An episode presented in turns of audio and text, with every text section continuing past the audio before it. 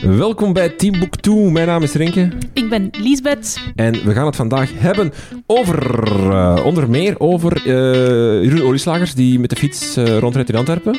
Ja, en over nog veel meer nieuwe boeken die er binnenkort aankomen. Biografieën vooral eigenlijk, tippen we. Mm -hmm. En ehm, ook over de Man Booker, de Booker Prize, die is uitgereikt. En we hebben een boek gelezen ook tegen vandaag. We hebben een boek gelezen waar ik liever niet aan denk, van Jente Postuma. De moeite, hè? ik vond het wel. Ja, ja ik denk het wel. Uh, meer daarover allemaal in deze 21e aflevering van Team Book 2. Welkom.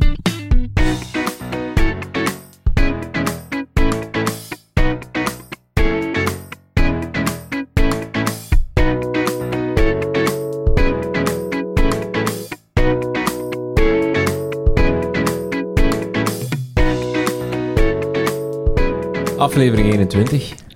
Ja. Klopt, hè? Hier zijn we. Oké, het nieuws. Ja, we beginnen met het boekennieuws. Laten we daar nu beginnen. Ik heb uh, al een nieuwtje, allez, of iets gelezen wat ik zelf wel heel intrigerend vond. Heb je al ooit gehoord van Kane's Jawbone? Ik heb zelfs niet verstaan wat je zegt. het is een soort van boek. Het is een moordmysterie. Uh, geschreven in 1934, dus al zo'n 90 jaar oud, denk ik. Het is geschreven door een zekere Torquemada. Het is het pseudoniem van Edward Powys Mathers. Geen bekende schrijver. Maar het zotte aan dat boek is dat de pagina's allemaal in een verkeerde volgorde zitten. Um, en het is dus oorspronkelijk gepubliceerd als een soort van puzzel. Uh, en de bedoeling is dan om uh, het helemaal te lezen en dan de pagina's in de juiste volgorde terug bij elkaar te puzzelen. En er zijn dus meerdere, um, hoe zeg je dat, meerdere moordenaars en meerdere slachtoffers. Dus het is niet zo dat er één moord is, maar het is echt wel een best complexe, complexe puzzel van verschillende personages. Um, en in de jaren dertig, toen het uitkwam, is het twee keer opgelost. Uh, dus door twee verschillende mensen. Dus het is niet zo gemakkelijk. Het is niet zo gemakkelijk, want er zijn... Uh, Hoeveel bladzijden zijn er? Twee, ja, 100 bladzijden, maar uh, als je 100 bladzijden in ah, ja. verschillende volgordes gaat sorteren, dan kun je dat op 32 miljoen mogelijke manieren doen. Ja, dat is zo 100 tot uh, zoveelste macht. Ja, de, of die factor of zo weet, van die wiskunde. Ja, ja. Um, maar dat is dus blijkbaar heel lang in de vergetelheid geraken. Uh, dat boek, dus dat is um, uitgekomen, dan twee keer opgelost en dan eigenlijk een beetje vergeten. Um, en een tijd geleden, een aantal jaar geleden, is dat teruggevonden, dat boek, maar zonder de oplossing. Um, en het is dan opnieuw um, uitgegeven. Ik ben nu eventjes kwijt welke uitgeverij dat juist heeft gedaan. maar het is onlangs terug opgelost door een zekere Patrick Wildgust. Wacht, hè. nu moet ik eens Man even met nadenken. heel veel tijd aan, om, om de handen dan toch? Nee, het, ah, wel, die had het opgelost. En daarna heeft de uitgeverij gezegd van, uh, we maken daar een wedstrijd van. En degene die het het eerst kan oplossen, die krijgt 1000 euro. Uh, en dan is het uiteindelijk opgelost door iemand en die zei van, goh, ik ben eraan begonnen. Ik zag het eigenlijk al direct niet meer zitten. Behalve als er plots om de een of andere reden, als ik veel tijd zou hebben en niet uit mijn huis zou moeten.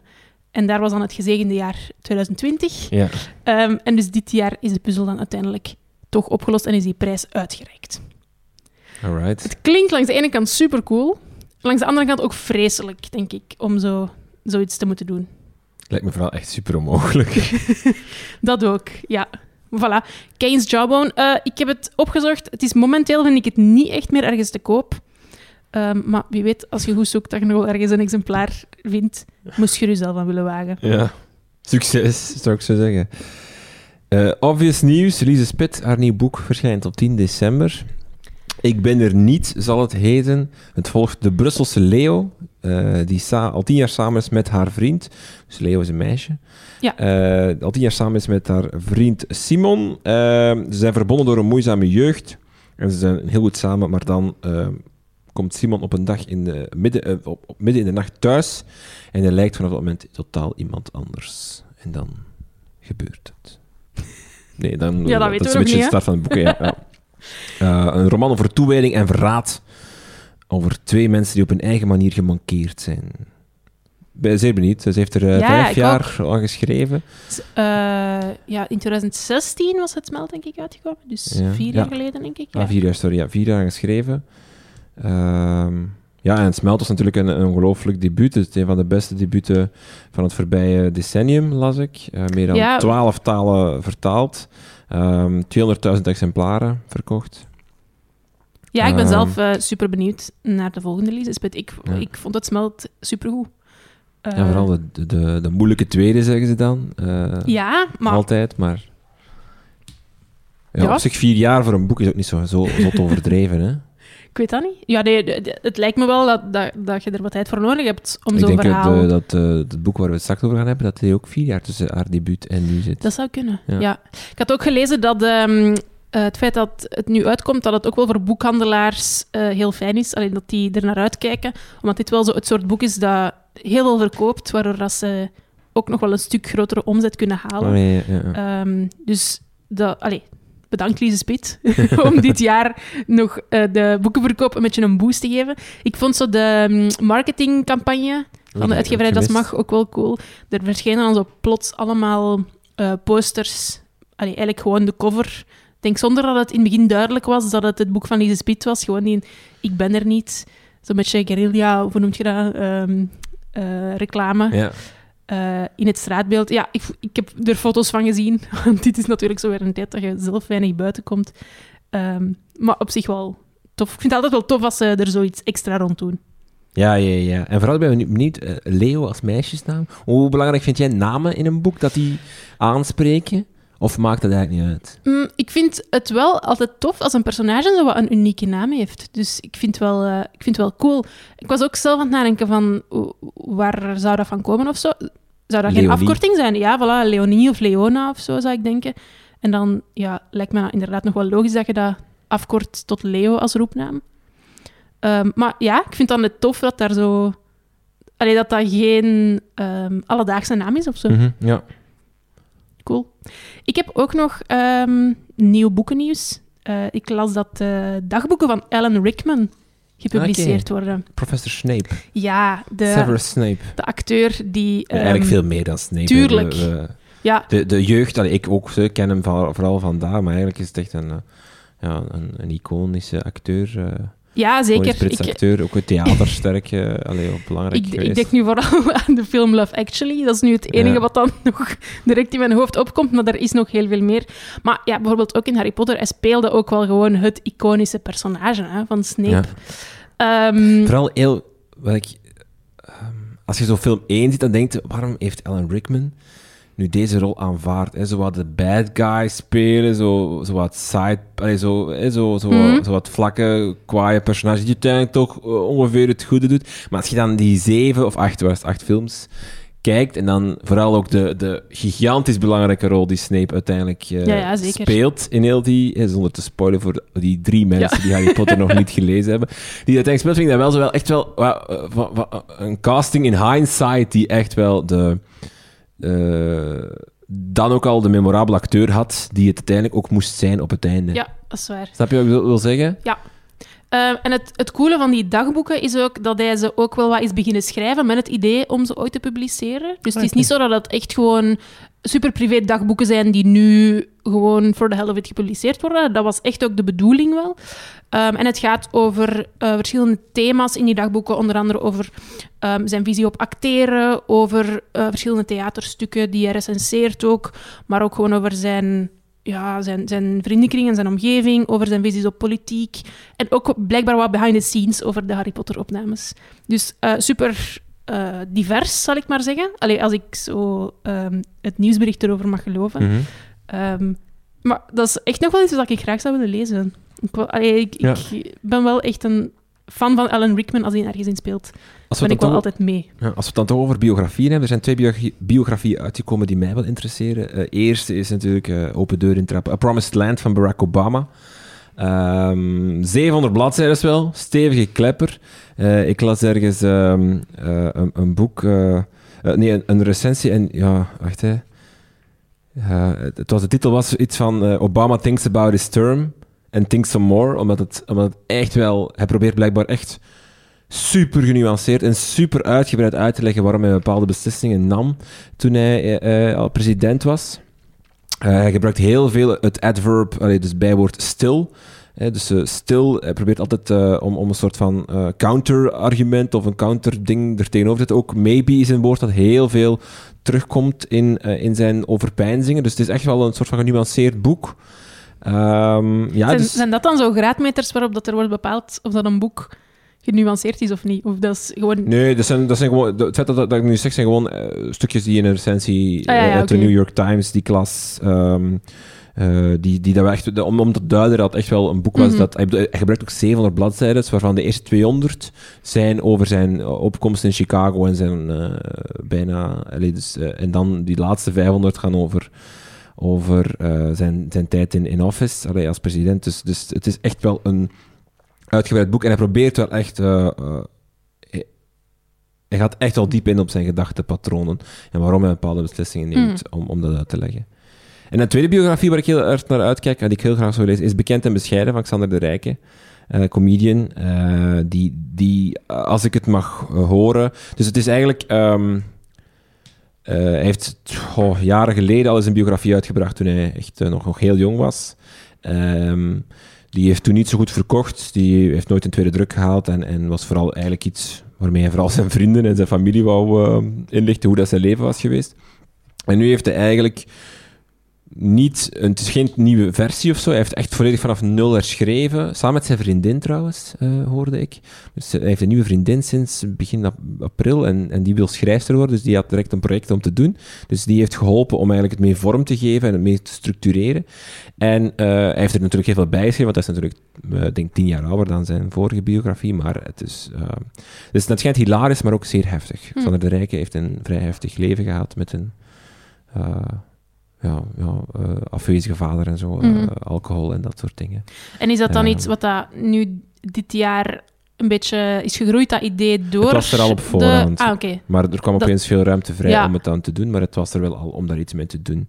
Eh, ook omdat zijn, zijn nieuwe tournee, die eigenlijk vorig voorjaar moest starten, ook bekend en bescheiden Mhm. eh, ging heten, hè, zijn nieuwe zaalshow. Dat is juist, ja. Ehm, dus eh, ik, ben, ik, ik wil het eigenlijk echt heel graag lezen. Ik ben grote fan van Xander de Rijke zijn comedy. Mhm. Eh, ehm, dus ik, ik ben wel benieuwd, ja. Oké, cool. Het is ehm, begin december ondertussen al. Dus eh, er zijn al... Allee, de eerste eindejaarslijstjes zijpelen wat binnen. Ehm, en ik eh, botste op een lijstje van Times Magazine. Lijstje, het is echt wel een heuse lijst. Ja. De 100, m- of de 100 must-read books of 2020.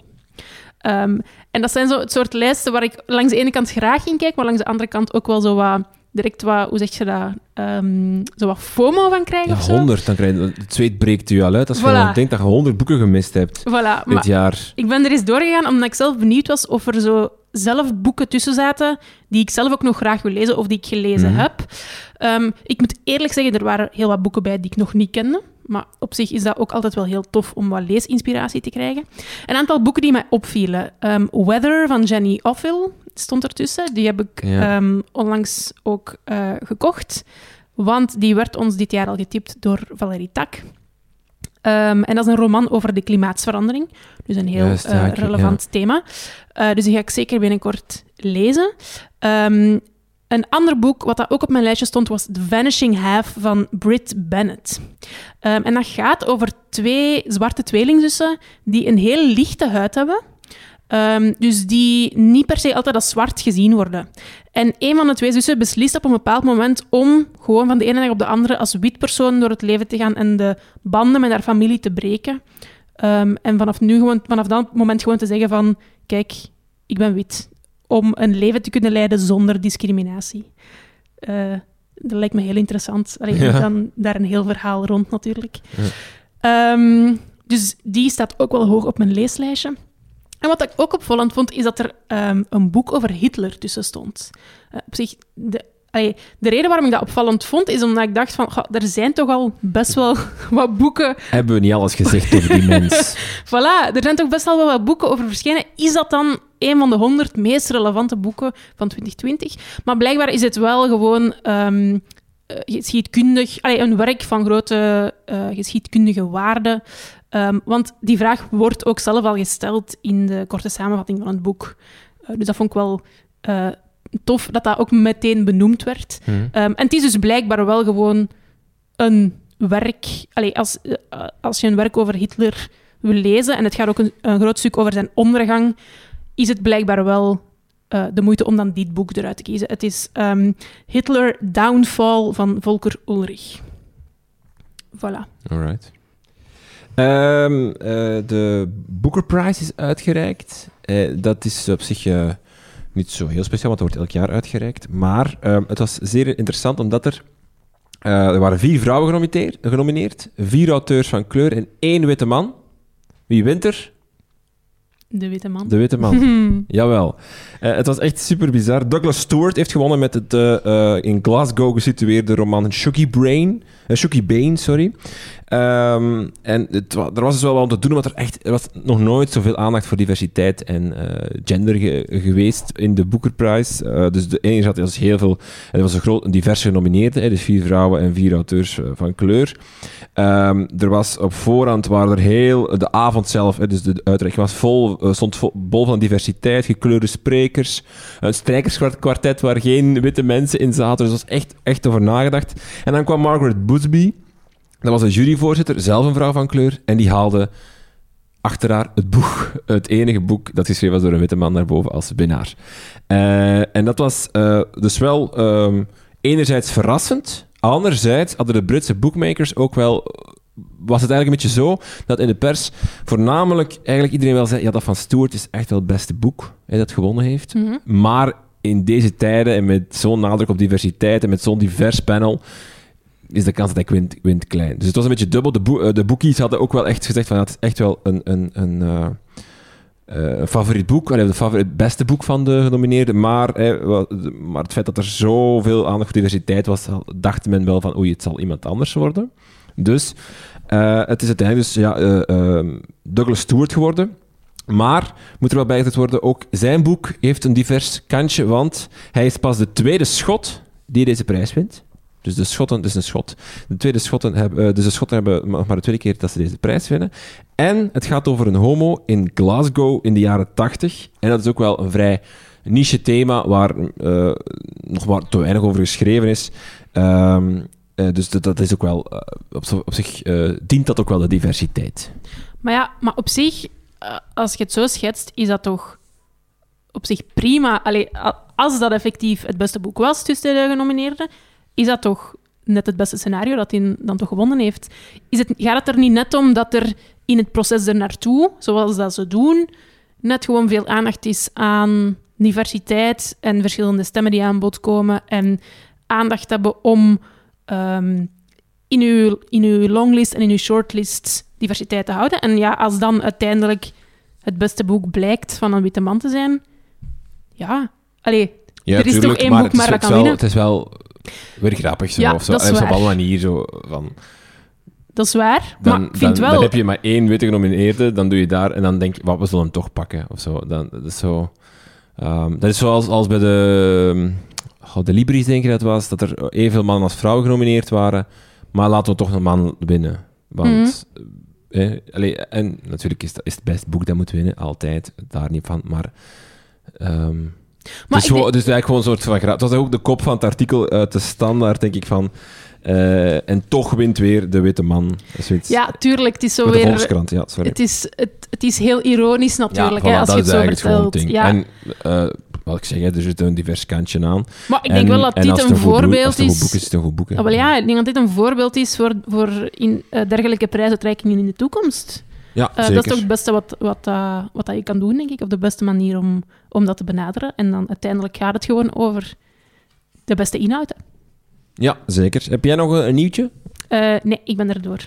Nog één ding misschien, eh, maar het is eigenlijk te laat dat we dit zeggen, maar je kon Beeldenvrouw eh bestellen via Jeroen Olieslagers en dan kwam hij morgen, allee, dus vandaag is het 2 december, morgen is het 3 december, dan komt hij langs om het boek af te geven en hij recenseert, of eh, hij signeert het dan ook eh, aan je deur, Ah, ja. met een boodschap. Daar heb ik nog persoonlijk. wel gehoord van uh, auteurs dat die dat tegenwoordig doen. Dus, eh, ja. ja. Dat is op zich een toffe manier, denk ik, om je boek te verkopen in Ja. deze tijden. Jente Postuma, waar ik liever niet aan denk. Dat is het boek dat we te- vandaag gelezen, tegen vandaag gelezen hebben, eh, waar we het over gaan hebben. Wie is Jente Postuma? Jente Postuma is een journalist En schreef al een hele tijd geleden kortverhalen. En ze won daar in 2012 ook de A.L. Snijdersprijs voor. Dat is de prijs voor het beste verhaal van maximum 220 woorden. Ehm, maar ik weet niet of dat momenteel nog bestaat, want ik vond enkel prijsuitreikingen in 2012 en 2014. Ik was dan zelf ook wel wat benieuwd naar, is dat verhaal ergens te lezen? Het is ooit gepubliceerd in een boek naar aanleiding van de prijs, maar dat lijkt niet meer verkrijgbaar te zijn, dus ik heb het niet direct gevonden. Ehm, dus in 2012 won ze die prijs. In 2016 debuteerde ze dan met haar eerste roman Mensen zonder uitstraling. En inderdaad, net als Lise Spit, heeft ze nu in 2020 ehm, een nieuw boek uitgebracht, waar ik liever niet aan denk. Het boek gaat over uh, een tweeling, um, waarvan, als we het even cryptisch omschrijven, de tweelingbroer, dus je hebt een tweelingzus en een tweelingbroer, de tweelingbroer eigenlijk op een gegeven moment verdwijnt. Mhm. Ik denk dat we, ik denk dat we zelfs uh, de deur uh, helemaal kunnen opentrappen. Um, die stapt uit het leven. Mhm. En het, de tweelingzus blijft dan achter met de vraag: waarom, wat, hoe moet ze hiermee omgaan? Een soort van. Ik, ik las ergens dat uh, een recensie schreef: hij, hij zadelt haar op met het ultieme gevoel van verlatenheid. De hoofdpersoon heeft zich te verhouden tot deze extreme vorm van afwijzing. Is het haar aan te rekenen dat hij niet meer wilde leven, ook niet met haar? Heeft ze iets niet op tijd begrepen? Uh, dus daar gaat eigenlijk het boek over. In korte hoofdstukjes gaan we een soort van, um, soort van collageachtig manier van vertellen doorheen de tijd met herinneringen um, na de zelfmoord, voor de zelfmoord, um, de jeugd. En leren we eigenlijk uh, vooral, vind ik, de broer kennen. en niet zo heel veel over het hoofdpersonage. Hè. Dus de tweelingzus is het hoofdpersonage, of de verteller, zal ik maar zeggen. En we focussen vooral op, op haar relatie dan met de broer maar niet op het hoofdpersonage zelf. Ja, of de, de relatie wordt een beetje bekeken door... Allee, zo Ja. ervaarde ik het. Wat vond je aan het boek? Ehm, ik was eigenlijk heel erg van het boek.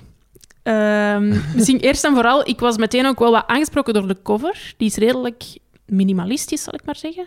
Eh, een lichtroze cover. En ehm, de titel staat erop genoteerd, waar ik liever niet aan denk, maar het lijkt alsof iemand het in potlood er heeft opgeschreven en dan voor een stukje heeft uitgeveegd met een gom. Uh, ik vond dat wel een heel mooi beeld of zo. Um, verder staat er eigenlijk niet veel op. Um, maar daardoor was ik zo wel direct getriggerd om het boek open te slaan en om te gaan lezen. Het lijkt eigenlijk alsof het zo een soort van notitie is van het hoofdpersonage. Um, ja, en wat dat je, zoals, zoals dat je zelf al zei, uh, het bestaat uit heel veel korte stukjes heel veel korte um, impressies of zo van het hoofdpersonage. Uh, ze heeft geen naam, nee. um, maar ze geven elkaar wel een bijnaam. Uh, de broer is één en zij is twee, ja. omdat de broer ook als eerste geboren is Juist, en zij ja. als tweede is geboren. Um, ja, het leest super vlot, doordat er zoveel uh, korte hoofdstukken in staan. Maar het heeft ook veel, heel veel diepgang, vond ik. Ja, zeker. Het is, het is een heftig boek. Hè. Dus ik vond het een heel donker boek. Een heel uh, nihilistisch boek ook. Een soort van, is een soort ja, van misschien nihilisme wel. in ja. van... En alles is weg nu. Dus die, die enorme verladenheid, het ultieme gevoel van, van afwijzing vind ik wel kloppen voor, dat, voor hoe het hoofdpersonage daarmee Mhm. omgaat. Je ziet echt weinig uh, perspectief ook. Uh, ik, ik, op bladzijde 152 um, staat er, even bladeren... Um, mijn broer was weg en met hem mijn hele verleden. Ik kwam van nergens en ging nergens naartoe.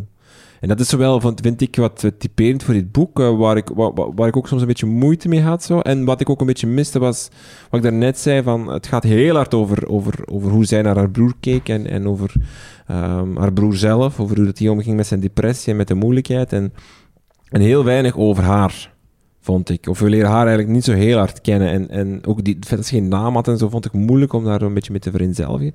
Neemt niet weg dat ik het wel een heel mooi boek vond, waar, waar um, uh, heel mooi vlot geschreven is. En die vorm van die korte hoofdstukjes vind ik wel Mhm. een aangename vorm. Ik um, vind het ergens altijd leuk dat je zo één, de voelt zo je, of je progressie maakt of zo snel. En als je echt zo uh, blokken tekst achter elkaar hebt voor zo'n bladzijde, bladzijde, dan heb je ook een soort van Eh, het is alsof je een serie kijkt die heel, heel lang duurt. Terwijl dit zijn zo zich allemaal korte afleveringen van vijf minuutjes. En dan Ja. kan je ook eh, heel snel even stoppen of wegleggen. En, en- Wat ik ook interessant vond daaraan, is dat het zo'n beetje ehm, een metafoor is voor hoe ons geheugen werkt. En ik denk zeker ook hoe dat je...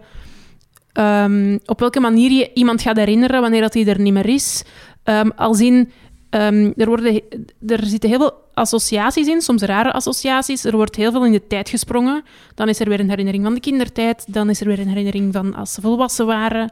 Ehm, je hebt dan ook die rode draad van New York, van de WTC Towers enzovoort, die Ja. zo'n beetje doorheen het boek loopt. Ehm, en, er nog wel, hè, rode ons, draden. en ons geheugen werkt ook zo wat. Eh, dat springt van de hak op de tak. Dat werkt heel associatief. Ehm, dus ik vond het dan wel heel fijn dat ze dat ook op die manier, allee, dat ze ook op die manier het boek heeft geschreven.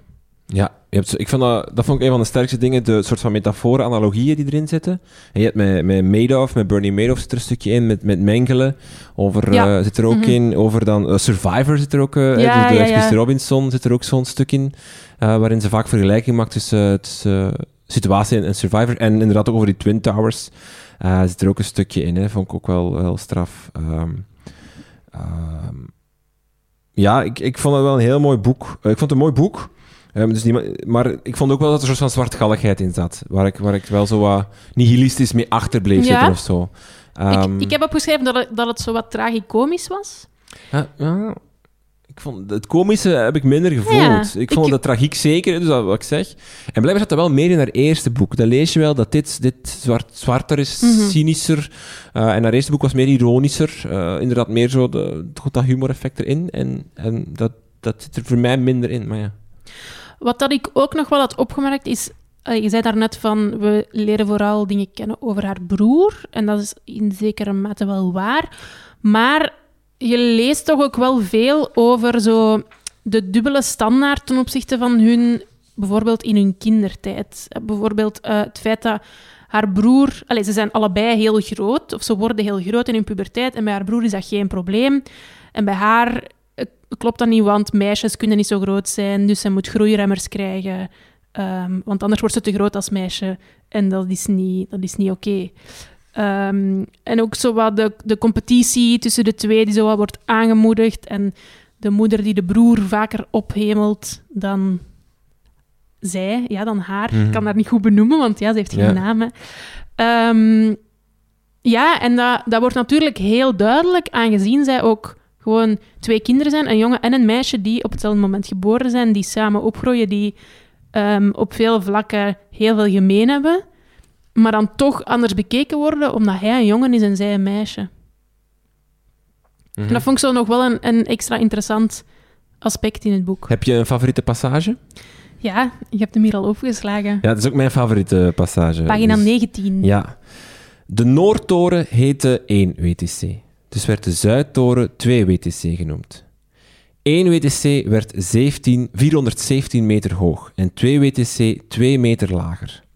1 WTC had een antenne op het dak en was in 1972 klaar. Een jaar eerder dan 2 WTC, die geen antenne had. Even was 1 WTC het hoogste gebouw ter wereld. Tot in Chicago in 1973 de 442 meter hoge Sears Tower verrees. Dat was zuur voor 1 WTC. Maar wat is erger? Heel even het hoogste gebouw ter wereld zijn geweest, of nooit het hoogste gebouw ter wereld zijn geweest, omdat de toren naast je altijd net iets hoger was. Ja, als je dit hoort en je hebt het boek niet gelezen, dan denk je wel een beetje vage anekdote, maar in het boek, in het verhaal, klopt dit echt Vond ik fantastisch. echt. Prachtige analogie of metafoor, ik weet niet wat het juist eh, is. Kan allebei niet. Ja, ja. Ja, wel, dus, dus dat toont voor mij ook echt zo dat mm, gegeven van zij die altijd zo'n beetje in de schaduw heeft geleefd van haar broer. Ja, ja, ja. En dan dus uiteindelijk een Daardoor soort verlaten van... of ja, zo. Ze, ze offert ook haar leven zo deels van op. van, Oké, pakt jij dan de roem? Oh, Heeft zo van, jij zit, de, jij zit degene met de antenne. En ik vind dat heel erg. Maar dan krijg je ook nog zo die verlatenheid daarachter, doordat, ze, doordat ze, dus hij haar verlaat. mhm. en, en dan moet ze plots het alleen zien te redden. Eh, Ja. En wat dat dan super moeilijk is Ja. natuurlijk. Ik eh, had eigenlijk heel lang het idee dat dit echt gebeurd was. Ah ja. Ik dacht dat dit vooral... Ja? Dat dit- omdat het... Maar het zou wel kunnen, natuurlijk. Omdat ik, omdat, ik zal zeggen waarom, omdat het mij gigantisch moeilijk lijkt om over iets als tweelingen te schrijven, als je zelf geen tweeling bent. En om dan, dan ook nog eens het gevoel van verlatenheid te beschrijven voor, voor als iemand als een tweeling uit het leven stapt. Mhm. Dat lijkt mij gigantisch moeilijk. Maar ze kiest er toch voor, en het past op zich een beetje in de discussie die we hadden vorige keer over die autofictie die nu zo in opgang is, en het feit dat gewone fictie, dus echt pure verzonnen fictie, een beetje in de, in de, de, de teleurgang zit of zo. Iedereen schrijft vanuit eh, ofwel een gefictionaliseerde versie van wat hij meemaakt, ofwel gewoon een soort van biografie-achtig iets, een biografisch-achtig boek. Terwijl hier is het echt nog ehm, iemand die gewoon zegt van, ik ga hier schrijven over... Allee, we weten in hoeverre dat ze de, dat ze de gevoelens en emoties kent natuurlijk, maar die gewoon gaat schrijven over wat, ik, wat, wat op zich een super interessant idee is, hè, of een super interessante setting is, namelijk een tweeling die, waarvan de ene uit het leven stapt en de andere achterblijft. Dat is op zich eh, ja, eh, een, een interessant gegeven om dan over na te denken en, en te beschrijven. Ja, ja, dat is waar. En het stelt gewoon de vraag, in hoeverre kan je schrijven over iets wat je niet weet? Of niet hebt, hebt meegemaakt? Ja, ik denk dat dat zeker mogelijk is, want dat is ook al heel veel gedaan. Ja. Eh, maar dat daar ook sowieso altijd een mate van eh, onderzoek bij komt kijken. Ehm, ja, dat je dan toch wel ook extra gaat moeten verdiepen in bepaalde dingen. Maar uiteraard, allee, het is net denk ik fijn dat er over heel veel dingen geschreven kan worden en dat schrijvers ook nog altijd heel veel, of heel vaak hun fantasie kunnen inzetten bij Mhm. het schrijven van romans.